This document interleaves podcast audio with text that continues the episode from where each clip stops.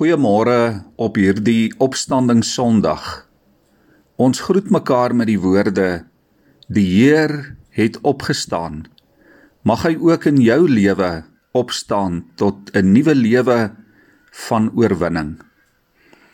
In Johannes 17 bid Jesus 'n aangrypende gebed vir sy disippels en ook vir jou en vir my. Hoor wat bid hy vir ons? Hy bid onder andere dat ons God sal ken dat ons Jesus sal ken en dit beteken vir ons die ewige lewe. Hy bid dat ons hom in hierdie wêreld sal verheerlik. Hy bid dat God ons sy volgelinge sal bewaar en dat nie een van ons verlore sal gaan nie. Hy bid ook dat sy volgelinge een sal wees in hom en in die Vader. Hy bid dat sy volgelinge, jy en ek, van die bose bewaar sal word. Hy bid dat ons aan God toegewy sal wees deur die waarheid van sy woord. En hy bid dat ons so sal lewe dat die wêreld deur ons optrede in hom sal glo. Wat 'n aangrypende gebed. Dit versterk ons in ons geloof en in ons getuienis om te weet dat Christus vir ons gebid het. En dit roep ons ook op om vir mekaar te bid. Nie elementêre gebede met sentimentele woorde nie, maar dat ons sal bid soos Jesus gebid het.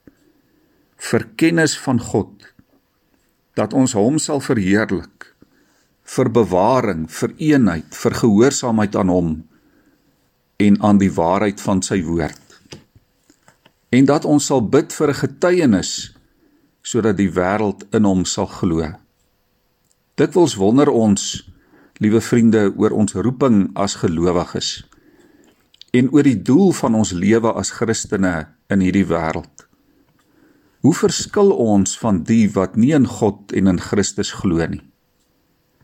Hierdie gebed van Jesus help ons om te weet dat God 'n plan het met ons en dat hy vir ons intree en vir ons bid en so moet ons ook vir mekaar bid. Kom ons bid saam.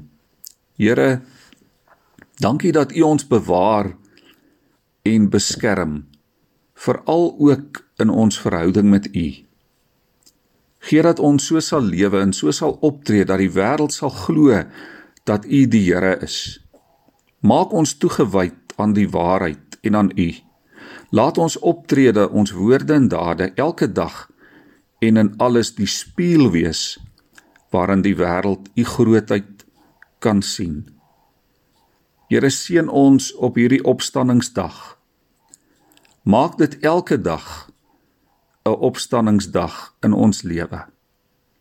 Herinner ons elke dag aan u oorwinning.